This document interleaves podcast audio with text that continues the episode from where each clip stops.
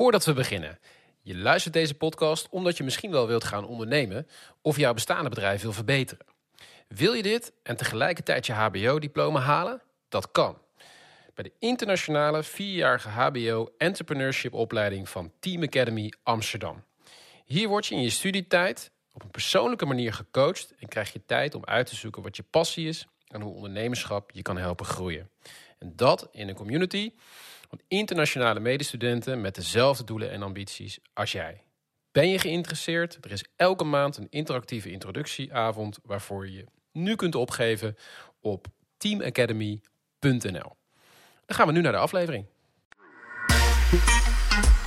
Tof dat je luistert naar de Job. De podcast voor en door en over jonge talentvolle ondernemers. En iedere aflevering spreken we een kwartiertje met een jonge ondernemer over een concreet dilemma waar ze tegenaan lopen. Is het bijvoorbeeld wel zo'n goed idee om met vrienden te gaan ondernemen? Je productontwikkeling uit te besteden naar een ver land of je boekhouding zelf te doen? Dat soort vragen. Verwacht geen dichtgesmeerde succesverhalen, want wij zoeken de eerlijke en echte verhalen. En in deze aflevering het dilemma: moet je als sociale onderneming je verkoopprijs zo laag mogelijk houden? Hans, de sociale onderneming, wat heb jij ermee? Ja, nou, uh, ik vind het eigenlijk best wel een mooi uh, onderwerp. Uh, mijn schoonvader is toevallig professor social venturing en entrepreneurship, dus ik heb er veel over gesproken. Um, en mijn beeld was altijd een beetje dat het zo'n sociale onderneming is die een beetje iets sociaal-maatschappelijks doet. En ja. eigenlijk een soort van andere uh, benaming voor een stichting. Iets totaal anders dan gewoon een bedrijf. Ja, alleen het is eigenlijk, uh, ik denk best of both worlds. Want wat je eigenlijk hebt is dat een sociale onderneming, als het goed is, een maatschappelijk doel heeft of een maatschappelijk probleem oplost. Of in ieder geval ook meeneemt, hey, wat is de schade op het milieu ja. hoe dat, en hoe kunnen we dat compenseren. Dus enerzijds die kant belicht. En anderzijds toch wel ook een commercieel doel of zegt, hey, we willen hier echt iets neerzetten, echt iets bouwen.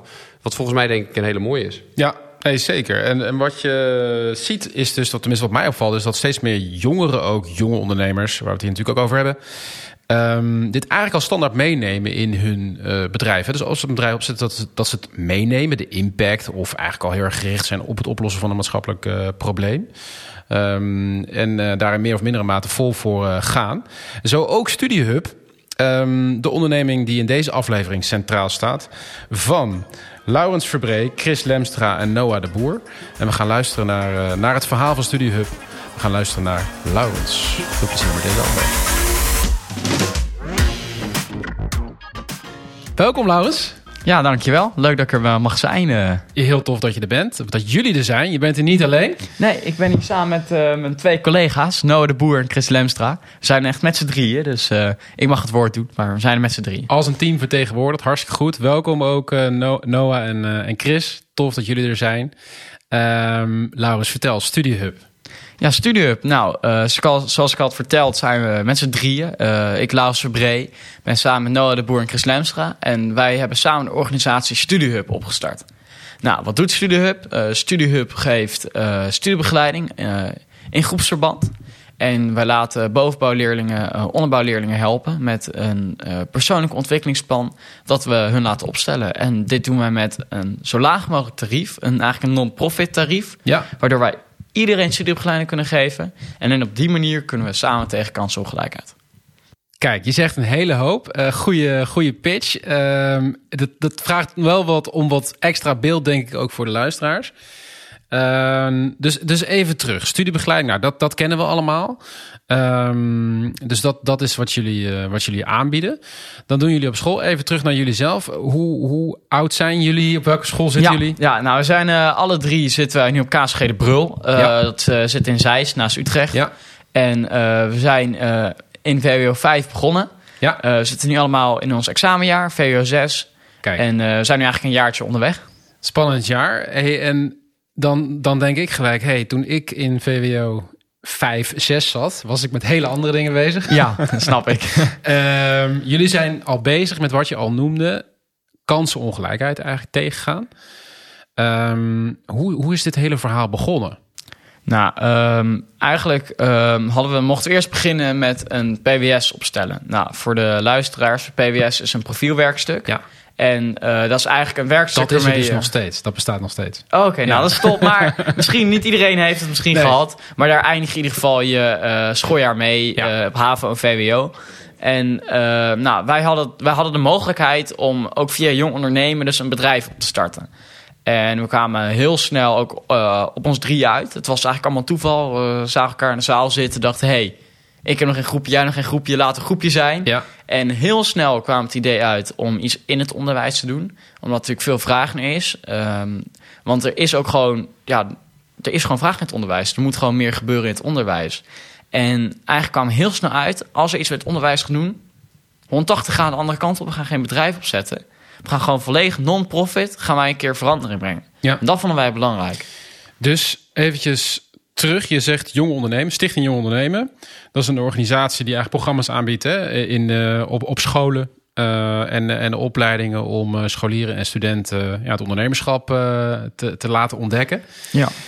Jullie mochten vanuit dat programma, vanuit jullie school, een bedrijf opzetten. En toen ben je dus uh, terechtgekomen in het onderwijs en je noemt een aantal problemen. Welke problemen of vragen zagen jullie in het onderwijs? Waar gaat het dan over? Nou, we zagen ten eerste uh, leraartekorten. Ja. Uh, dat is vooral heel erg aanwezig op de basisscholen.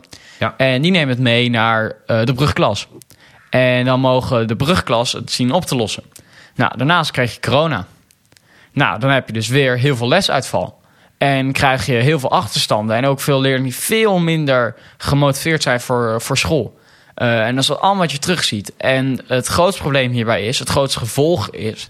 dat mensen met uh, rijkere ouders kunnen het gewoon heel makkelijk compenseren. Ik vind eigenlijk een best wel mooie oplossing, privéonderwijs. Ja. Dus naast publiek onderwijs kan je gewoon extra hulp krijgen. Maar niet iedereen heeft die mogelijkheid. Niet iedereen heeft die oplossing. En daar zit voor ons het probleem. En wij proberen dat dus nu aan te bieden via studie. Dus het is eigenlijk de kansenongelijkheid dat die je is wil het. aanpakken. Ja, dat is het. Want je zegt daar, ja, je zegt het heel goed, denk ik. Uh, je, ja, ouders die gewoon de middelen hebben, die kunnen eigenlijk het gat wat hun kinderen uh, oplopen in, in leerachterstanden, kunnen ze eigenlijk gewoon afkopen. Door uh, studiebegeleiding uh, in te kopen. Klopt. Ergens, privaat. Uh, dan betalen ze volgens mij, ik heb zelf ook even gekeken ter voorbereiding op dit gesprek, behoorlijke tarieven inmiddels. Ja, Uh, het, is echt, het ligt in Zeist ook, zoals je uh, zei, ook tussen de 20 en 30 euro. Maar we zagen ook al sommige van 40 euro, sommige 50 euro. Het gaat heel hoog. En ook examentrainingen wordt echt enorm veel gebruikt. En Ja. je ziet eigenlijk dat mensen ook, ook al geen eindexamens meer kunnen maken zonder eindexamentrainingen, bijvoorbeeld. Ja, dus het is bijna eigenlijk al een soort van standaard nodig. En dat is eigenlijk oneerlijk dus, die verschillen ook die je daarin ziet. Dus de, de scholieren kunnen hetzelfde niveau hebben, maar raken achter door eigenlijk maatschappelijke ontwikkelingen waar ze zelf niks aan kunnen doen. Lerarentekort, pandemieën, nou ja, noem het allemaal op. We zitten er middenin. Ehm, en gaat toch een vorm van ongelijkheid ontstaan op het moment dat je niet de, de, de ouders hebt die, uh, die dat kunnen betalen. Dit werd trouwens heel mooi in beeld gebracht ook door in het programma Sander en de Kloof. Hè? Klopt. En um, voor ons is dus ook Sander best wel een voorbeeld uh, in dit hele verhaal. Ja. Um, omdat hij best duidelijk laat zien dat er een kloof is. En wij uh, waren ook al bezig met StudiHub voordat het uitkwam. Het kwam in januari uit uit mijn hoofd. Ja. Uh, we waren ook al bezig en we hadden al non-profit gemaakt. Maar hij inspireerde ook al om nog meer door te gaan. Hij bracht ook mooie zeis in beeld. Uh, in zijn documentaire. Ja, de En- kloof in ja. Zeist natuurlijk. Ja, de kloof en zij is echt heel erg aanwezig. Het, Ja. het stond daar ook. Uh, de wijken werden ook benoemd waar de verschillen waren. En die verschillen zijn er. En wij hebben een school met heel verschillende niveaus. Ja. En je ziet toch ook dat per niveau de kloof eigenlijk steeds groter wordt. Dus je ziet dat ook, jullie zien dat ook dagelijks gebeuren. Ja, heel erg. Nou, los daarvan, heel bijzonder denk ik dat jullie daar gewoon juist als, als scholieren mee aan de slag zijn eh, gegaan. En dat het niet ergens van buitenaf weer kwam van iemand die dat idee had. Ehm, maar laten we nog even hebben over die tarieven. Want dat is denk ik interessant ook voor jullie. Jullie noemen jezelf ergens sociale onderneming. Klopt hè? Ja, Tarieven liggen tussen de 20 en de 30 euro, zag ik. klopt. Wat vragen jullie? 5,50 per uur per leerling. Hoe is dat in vredesnaam mogelijk? Nou, wat wij hebben eh, bedacht is het sowieso om een groepsverband te doen. Dus wij geven mensen ook de mogelijkheid om samen met andere leerlingen een studiebegeleider aangewezen te krijgen. Ja. En eigenlijk zorgt het juist voor een betere, ehm, hoe zeg je dat, concentratie. Ja. Omdat eh, als andere leerlingen stil zijn, dan word je ook stil. En Ja. daarnaast, als je vragen hebt, dan kun je gewoon bij studiebegeleider terecht. Ja, en dan ga je gewoon lekker aan je eigen eh, doelen aan de slag. En dan kom je gewoon heel erg ver. En het resultaat hebben we jaar, vorig jaar heel mooi kunnen zien. Is dat ook niet wetenschappelijk bewezen? Dat dat groepsleren eigenlijk misschien wel effectiever is dan het, dan het één op één eh, lesmodel? Ja, niet dat ik daar op de, van op de hoogte ben, maar ik geloof het wel meteen. Want we Ja. hebben wel echt resultaat gezien. Nou ja, precies. Ik zit zelf eh, ook een beetje in het, eh, in het onderwijs. En eh, nou ja, eh, dat, dat komt wel eens naar voren. En er ligt veel nadruk op het groepsleren ook tegenwoordig. En het leren ook van elkaar en met elkaar. Maar los daarvan, ehm, daarmee kun je dus de kosten verlagen. Ja. Ehm, wat zijn nog meer dingen geweest waarmee jullie die, die prijs zo hebben kunnen drukken? Nou, ehm, ten tweede hebben we ook geen eh, kosten voor eh het pand. Want wij zitten ook op de school. Ja. En de school biedt ons die mogelijkheid ook aan. eh, waarvoor zij natuurlijk in ruil betere schoolresultaten terugkrijgen. Met, en minder druk op het personeel. Omdat toch al leerlingen echt wel een puntje voor krijgen als ze bij ons kunnen komen. Alleen de allergrootste kostenpost uiteindelijk bij heel veel van die privé-instituten is gewoon winst. Want het, je mag het geen kosten noemen natuurlijk, maar in die prijs zit gewoon heel veel winst Er zit onder. een winstmarge. En wij zijn alle drie leerlingen. Wij hebben niks te verliezen. We hebben eigenlijk ook niks te winnen. Wij Ja. hebben één ding en dat is gewoon kansongelijkheid verkleinen. Ja. En dat hebben wij gewoon besloten te doen door gewoon geen winst te krijgen. Gewoon Ja. niet. Nee. 0,0. En daardoor kunnen wij zo super laag die prijs aanstellen. Ja. Het enige wat in de prijs zit, eh, vergt zijn hele kleine incidentele uitgaven. Eh, van per maand, maar het, zijn, eh, het gaat eigenlijk nergens over. We kunnen nooit met een dikke auto op school aankomen, zeg maar. Dat gaat niet lukken. Hey, want eh, hoe, denk ik ook interessant voor jonge ondernemers die luisteren, is hoe kom je tot die prijs? Is dat puur gewoon een kostenberekening geweest of hoe hebben jullie dat aangepakt? Kostenberekening. Ja, gewoon puur gekeken naar kosten, hoe kun je zo laag mogelijk houden en dat, dat vormt uiteindelijk je prijs. Ja, we, nou, we hebben gekeken ehm, hoe kunnen we ook. We hebben gewoon iedere kostenpost bekeken. Dus zo bieden we ook gewoon eten en drinken aan bij onze studiehub. Nou, Ja, eten en drinken. ja, Ehm, we moesten alleen wel even kijken, want ons personeel wouden we echt netjes uitbetalen. Het moest geen uitbuiting zijn. We wouden, ons personeel is gewoon heel veel waard. We- Ons Ja. hele bedrijf draait tenslotte om ons personeel. Wie is het personeel en hoeveel zijn het er? Hebben nu volgens mij in totaal 20 man. Daar zitten wij ook in, dus dat zijn eh 17 man. Ja, Ehm, het blijft ook altijd nieuw aanstroming stroming in komen. Man gewoon en vrouw, denk is. ik, hoop ik. Man en vrouw. Ja. Gewoon een mix. Dat maakt echt niet uit. We kijken naar motivatie en cijfers, waarvan motivatie het allerbelangrijkste is. En dat zijn dus scholieren, Scholieren. Geen studenten. Voor en door scholieren. Ja, Want precies. we zijn ook overtuigd dat juist bovenbouwscholieren hebben eigenlijk het meeste te winnen. En ook weer het minste te verliezen. Mhm. Want zij kunnen, eh, ze krijgen een mooie salaris. Mhm. eh, en ze krijgen eh, de kans om een onderbouwstof te herhalen. En een onderbouwleerling krijgt de kans om heel mooi samen met de bovenbouwleerling aan de slag te gaan. En Ja. dus van elkaar het ook te leren. Ja. Hey, en als je nou kijkt naar het model, hè, dus eh, vergeleken met eh, meer commerciële concurrenten, hebben jullie dan een heel ander model? Ik, ik begreep dat jullie ook samenwerken met de school. Ja, ik weet niet wat je exact bedoelt onder model, nu in dit geval. Maar Nou, dus ehm, is, het, is het, jullie hebben die, die, die 5 euro, hè, wat was het? 5, 5,50. 5,50. Dat is een belangrijke voor jullie. En Ja. die, die wil je volgens mij zo laag mogelijk houden. Klopt. Klopt. Waarom is dat belangrijk voor je? Nou, zodat we dus... Kijk, nu betaalt de school het ook voor ons. Via eh, de NPO-gelden. Dus dat is vanuit de overheid eh, aangesteld voor scholen. Eh, maar we willen het ook zo laag mogelijk houden... dat als de school niet meer betaalt... de ouders het kunnen betalen. Ja. En daarnaast zullen we ook nog proberen een buffer te Ja, dus, te dus even voor, voor de duidelijkheid ook voor de luisteraar. Eh, er zijn grote zakken met geld tegenwoordig beschikbaar voor scholen om dit ook te kunnen financieren. Ja. Om eigenlijk die toegang en die drempel zo laag mogelijk te houden. Ehm, dus nu hoeven ouders eigenlijk helemaal niks te betalen. Klopt, hè? gratis. Het is helemaal gratis voor ouders. Precies, dus dat is natuurlijk eigenlijk al helemaal mooi. Maar deze subsidies gaan een keer stoppen. Klopt. Dat is al zeker dat dat, dat, dat zo is. Eh, nee, maar mogen wel... Kijk, we moeten natuurlijk wel... Je gaat reken- ervan uit. Ja, we gaan ervan uit met gewoon worst case scenario.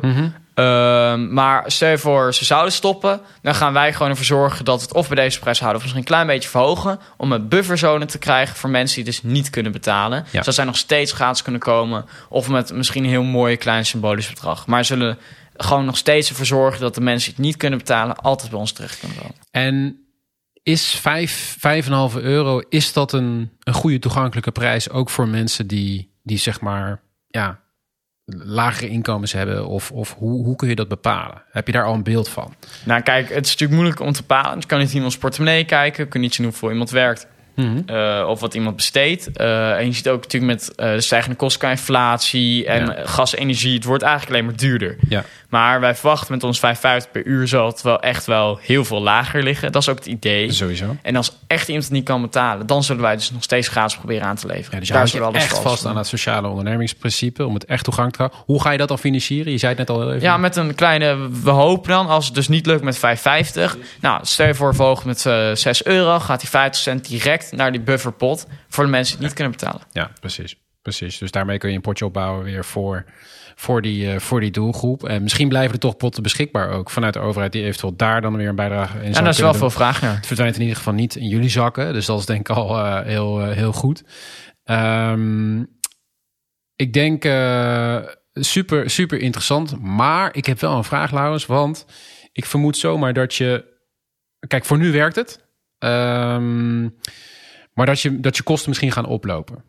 Hè, dus, of dat je misschien wil doorinvesteren. Omdat je, omdat je wil groeien. Dat je naar een tweede locatie wil. Dat je misschien eh, in je personeel wil gaan investeren. Om die te behouden. En om die misschien eh, door te ontwikkelen. Zodat je personeel beter wordt. Ja. Eh, of misschien zijn er andere kosten waar jullie tegenaan lopen. Hoe zorg je er dan voor dat je toch die, die, die, ja, die enorm concurrerende prijs eh, zo laag mogelijk houdt? Ja, kijk, daar hadden we dus bij het begin al met de kostprijsberekening al een klein beetje rekening mee gehouden. Want hadden heel ook goed. kleine incidentele uitgaven. Precies. Dus eh, wij moeten voor het nu ook een handlichting aanvragen. Nou, Mhm. voor de luisteraars, wat is een handlichting? Daar heeft eigenlijk nooit iemand van gehoord. Nee, Ik hiervoor ook niet. ik ook maar ehm stel je voor, je wilt een bedrijf opstarten als ehm, leerling... of gewoon onder de 18... dan moet je een bewijs bij de kantonrechter... dat je kan handelen als een meerderjarige. En dan mag je een bedrijf opstarten. Dus jullie moeten aantonen dat jullie ergens in het koppie al, Ja. al op dat genoeg niveau bent. zit. Ja, en Ja. dat kost heel veel geld. En wij wisten dat niet. Dat en daar hebben we nooit rekening mee gehouden. En nu is het best moeilijk om zomaar aan dat geld te komen. Is dat in ieder geval zo? Heel interessante informatie denk ik ook. Ehm, of is dat alleen op het moment dat je zeg maar wat een BV wil oprichten? Volgens mij, als je alleen een BV wil oprichten of een stichting... ehm dus in ieder geval volgens mij... Als je een eenmanszaak wil starten, weet je dat toevallig? Eenmanszaak weet ik niet, maar volgens mij is dat gelijk aan KVK inschrijven. En Klopt. dat kost... Dat, daar hoef je geen 18 jaar voor te zijn. Oké. oké. Tot zover ik weet. Nee, precies. Dus- Dat, dat, dat beeld had ik namelijk ook niet. Maar op het moment dat je dus... Echt serieus aan de slag wil gaan... ehm, dan moet je dus wel eh, kunnen bewijzen dat je meerderjarig bent. Dus wel Oké. serieus investeren. Dus dat kost 1500 euro. Want dat moet langs de kantonrechter. Ja, En dat was hij. Hoeveel kost dat? 1500 euro. 1500 euro Ja. totaal. Ja, Oké. nou per, per persoon. Los van je per persoon. Ja, per Wow. persoon. En los van je inschrijven bij de KVK en de notariële kosten, of is het een soort van all-in? Los van alles. Zo. Maar per persoon, dus als jullie met z'n drieën willen inschrijven, dan is het drie keer 1500 euro. Dat is 4500 euro en dat hebben we niet. Nee. En dat is moeilijk. Daar En- is geen rekening mee gehouden. Ja, en dat is ook een beetje dus ons dilemma. Ehm, dat is het nadeel van heel erg utopisch denken eigenlijk. Wij zijn helemaal Ja. vanuit het beste idee zijn we erin gestapt. Ja. Alleen nu kom je eigenlijk ook weer op de keiharde werkelijkheid. Dat het dus eigenlijk ook zo goed kan het eigenlijk ook weer niet zijn. Ja. Eh, want we hebben dus ook bijna geen geld op onze rekening staan. Kijk, genoeg om te draaien. We draaien ook gewoon goed. Maar als je dus dit soort grote incidentele uitgaven krijgt... Precies. ja, dan is het wel even, even slikken, zeg maar. En we zijn er ook nog steeds mee bezig. Want En dat is, dat is ergens heel jammer, want het is wel... Kijk, je weet, zo'n uitgave, ze hebben zo'n kantonrechter... Ja, ik wist eerlijk gezegd ook niet. Ja, dat is één keer. Je weet dat die niet meer gaat komen. Aan de andere kant is het natuurlijk wel... Het leerzame principe hier is, is wel... Ja, ehm, uiteindelijk zullen incidentele uitgaven misschien altijd wel Ja. hoger zijn... dan dat je van tevoren kunt bedenken. Eh, maar ja, daar moet je ook tegenaan lopen. En dat, dat doen jullie nu op dit moment. ja, klopt. En je wilt niet doorberekenen in je, in je verkoopprijs, of wel? Nee, dat gaan we niet doen. Dus wat zijn de opties?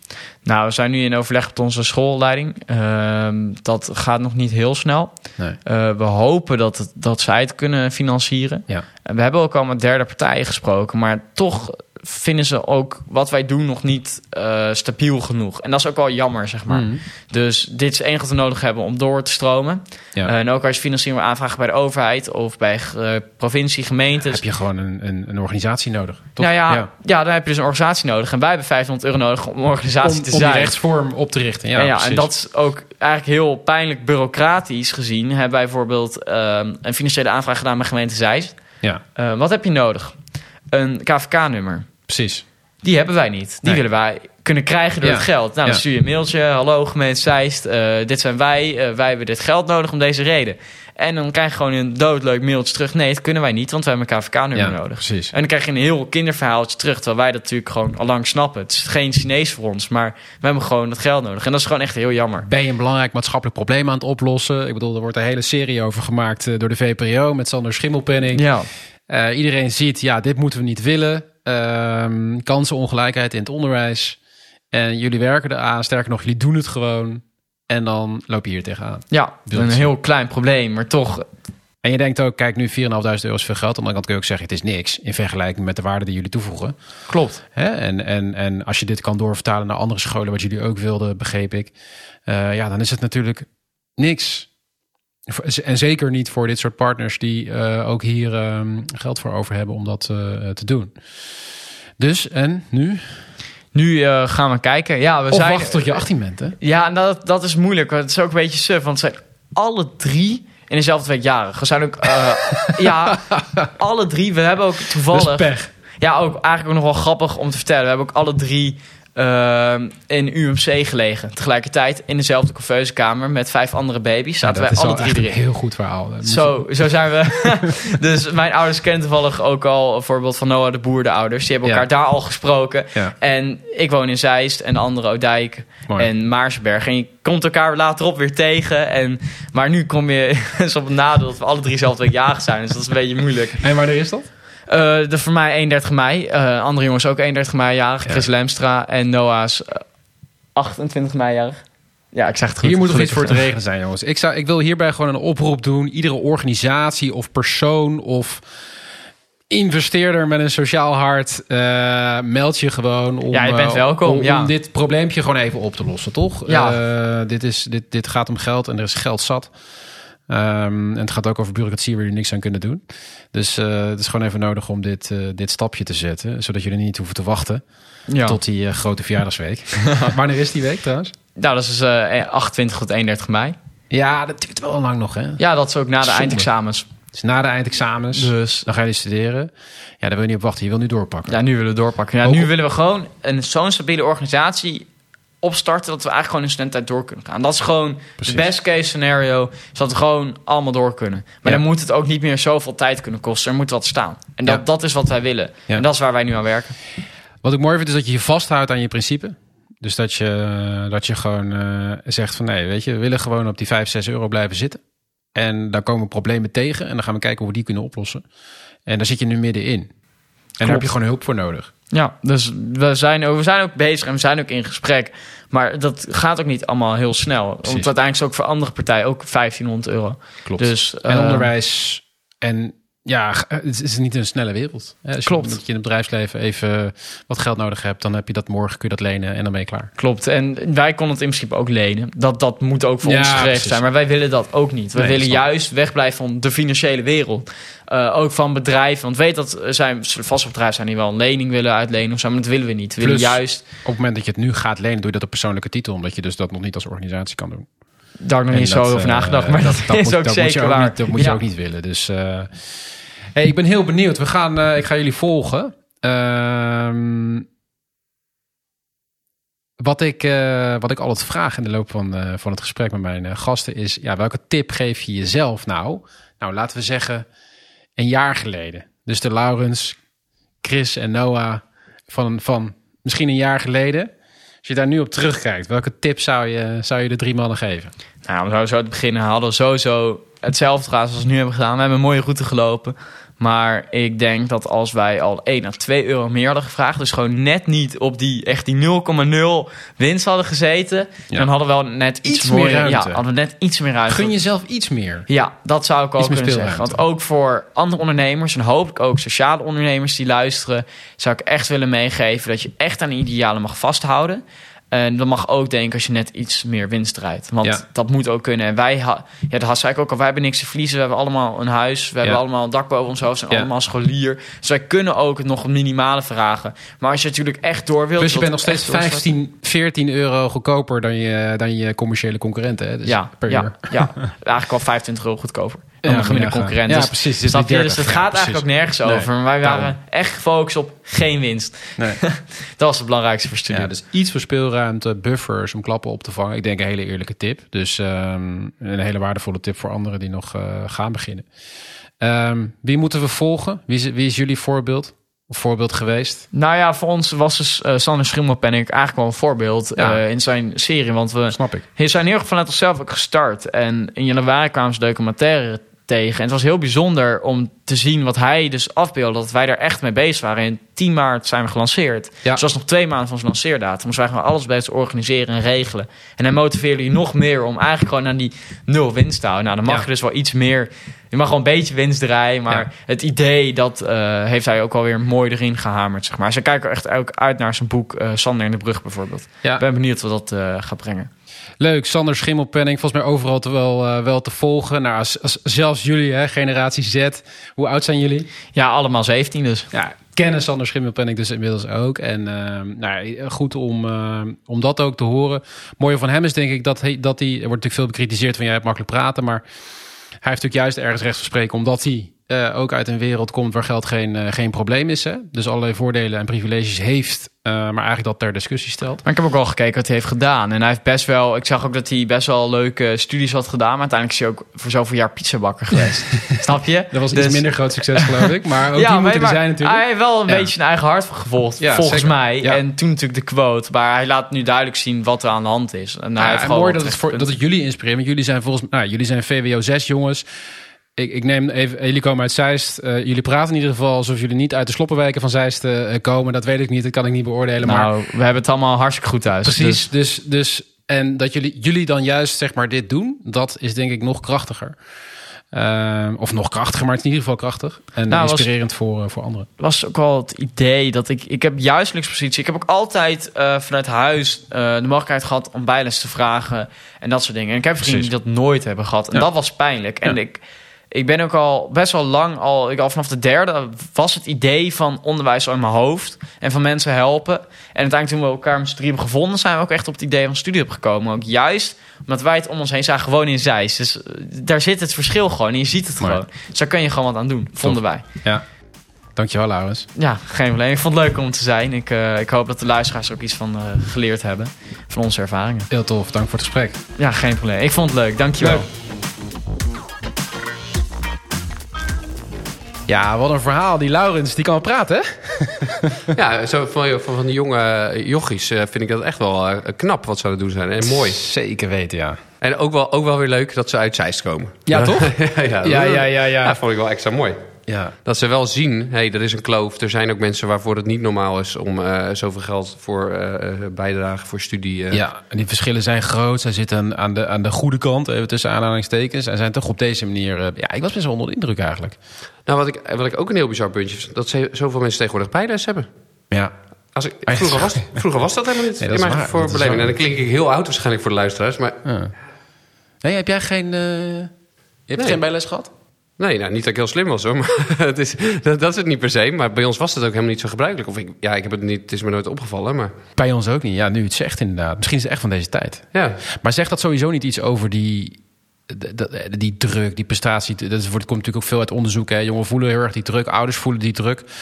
Ik weet, mijn, mijn, mijn vrouw zit toevallig ook in het, eh, in het sociale werk. Die wordt helemaal gek juist zeg maar, van de ouders die juist... Hè, de, de hoogopgeleide ouders die, die veel geld verdienen... en die dan aankloppen van... eh, eh, mijn kind moet dit en moet zo. En zeg maar enorm eh, pushen. Ja, dat is gewoon van deze tijd. ja, misschien, en dan wijden we misschien te veel uit. Maar misschien heeft het ook wel te maken met dat tegenwoordig iedereen moet werken in gezinnen. En vroeger was het misschien minder. Eh, dat bijvoorbeeld eh, moeders nog thuis waren, vaders Ja. wat meer thuis. Zodat ze ook meer tijd hadden om uit te leggen misschien van... Hey, hoe werkt wiskunde B? En nu is iedereen druk. Ja, het is ook gewoon lekker je kind naar bijles sturen. hey, maar daar ging de aflevering niet over. Nee, Ehm, en moet je die verkoopprijs zo, zo laag mogelijk houden als sociaal ondernemer? Dat is natuurlijk interessant. Hij zei natuurlijk van... Ja, we, hebben, we zijn toch een beetje te streng geweest. We zijn toch een beetje te krap eh, geweest. Ja, volgens mij is dat precies eh, eh, waar het vaak eh, toch een beetje op misgaat. Dat mensen te veel social maken, te weinig onderneming. Ja. Want volgens mij ook met zoiets... Ik ik had op een gegeven moment het gevoel van... jullie zijn een soort stichting aan het worden of zo. Maar Ja. dat is niet het idee volgens mij. Nee, Nee, want ze willen dus wel echt die, die, die, dat- die, die BV ook opzetten. Dus ze zijn Ja, maar dan is het wel belangrijk om ook verder te denken volgens mij. En bijvoorbeeld, ze hadden het over eh, potjes, budget vanuit de overheid... die Ja. er eh, zeg maar, voor scholen beschikbaar is om ook... Covid-gelden. ja, ook om mensen zeg maar, die het niet kunnen betalen... Zeg maar, dan het voor hen te betalen. Klopt. Dan kun je dus volgens mij het tarief marktconform maken. Eh, en wat je dan slim zou doen, in mijn optiek, is zeggen: oké, dan halen we die potjes een beetje eerder leeg, misschien wel. Maar je weet ook niet hoe lang die potjes nog geldig zijn. Of of er een andere fonds langskomt dat dat potje leeg trekt. Ehm, en dan zet je dat geld apart. Want dan kan je gewoon vastleggen in je statuten dat het niet gebruikt wordt als winstuitkering. Maar dat je dat als reservering maakt voor als het potje op is. En dat je dan toch nog ouders tegemoet kunt komen. Ja. Dus volgens mij kan je op die manier ook slim nadenken. En als dat niet nodig is, kan je dat geld investeren in betere faciliteiten. Misschien kan je iPads En verzorgen. daarmee dus reserveringen maken, zeg maar. Ook om een gezond bedrijf op te bouwen. En Ja. ook die impact te kunnen maken die je wil maken. Eh, zeg je daarmee eigenlijk van, ja, dat, dit, dit gebeurt ook gewoon te vaak. Dus vanuit die, eh, het ideaal toch eigenlijk niet goed voor jezelf zorgen. Dat je dan Er toch- wordt toch te veel vanuit het ideaal gedacht. Wat ergens in goed is, hè? want dat is ook de drijfveer. Ze doen het omdat ze iets zien in de maatschappij waar het niet goed gaat. en het is ze ook mooi dat ze zo starten, Ja. daarachter komen, toch? Alleen je mag Ja. ook best wel commercieel denken zonder meteen... eh, want volgens mij zijn mensen in zo'n rol vaak bang dat ze worden gezien als... ja, maar je wil er alleen maar zelfverrijking mee doen. Ja, want dat is niet hun doel. En, ja, en dat kan je gewoon vastleggen. Hè? Als je dat echt wil, eh, dan kan je tegen iedereen zeggen... kijk maar, het staat hier. Wij kunnen niks met het geld. Wij hebben gewoon gemaximaliseerd uit eh, inkomsten. Zelfs als de rest. Klopt. Dus een stuk slimheid daarin. Wat zou je ze adviseren? Ik zou adviseren om hun prijs omhoog te doen. Maar ook bijvoorbeeld met mensen eh, te praten. Nou, ik, kijk, ik zit in de, eh, eh, voor een deel in de detacheringswereld. Dat is een Ja. beetje hetzelfde, hè? uren, eh, tarieven. ja, ja, dat is waar. Ja, Eh, zeker. praat eens met zulke mensen van... Hey, hoe hebben jullie dat aangepakt? Hoe bouw je zo'n tarief op? Waarom heb je die tarieven hoger? Waarom zitten bepaalde marges ingebouwd? Ja. Ehm, want je, daar, wij hebben ook hoge marges, bruto. Eh, alleen netto komen ze laag, best een, een stuk lager uit. eh, Ja. ehm, eh, omdat je ook nog reserveringen maakt voor dingen. Ja, en het is niet voor niks. Hè? Dus 30 euro per uur in de markt, marktconform, is ook weer niet voor niks. Tuurlijk, er wordt veel geld verdiend. Ja.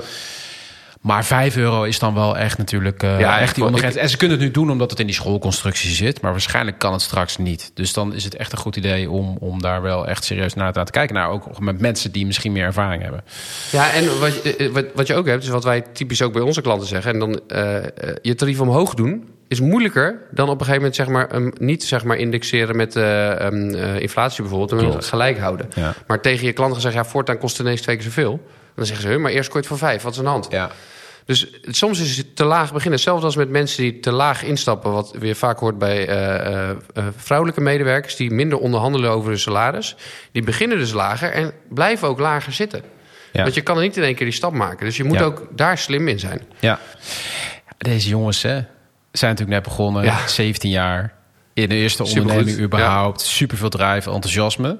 Maar als ze slim zijn, dan eh, nemen ze je advies eh, te harte. Ja, wat dan, eh, pragmatischer. Want wat ja. ook bijvoorbeeld ehm, eh, zo is... die, die, die anderhalfduizend euro... ja, bizar hè? Ik wist ja, ook niet. Ik zeg dan, doe lekker pragmatisch. Stop je vader eventjes in het bestuur... en zorg dat hij de BV opricht en kik hem er weer uit. Ja, en dan kan die het eventjes regelen. Dus, dus iets meer... Iets meer pragmatisme en niet, daar daar mag er wel in. Kijk, het is heel netjes, maar...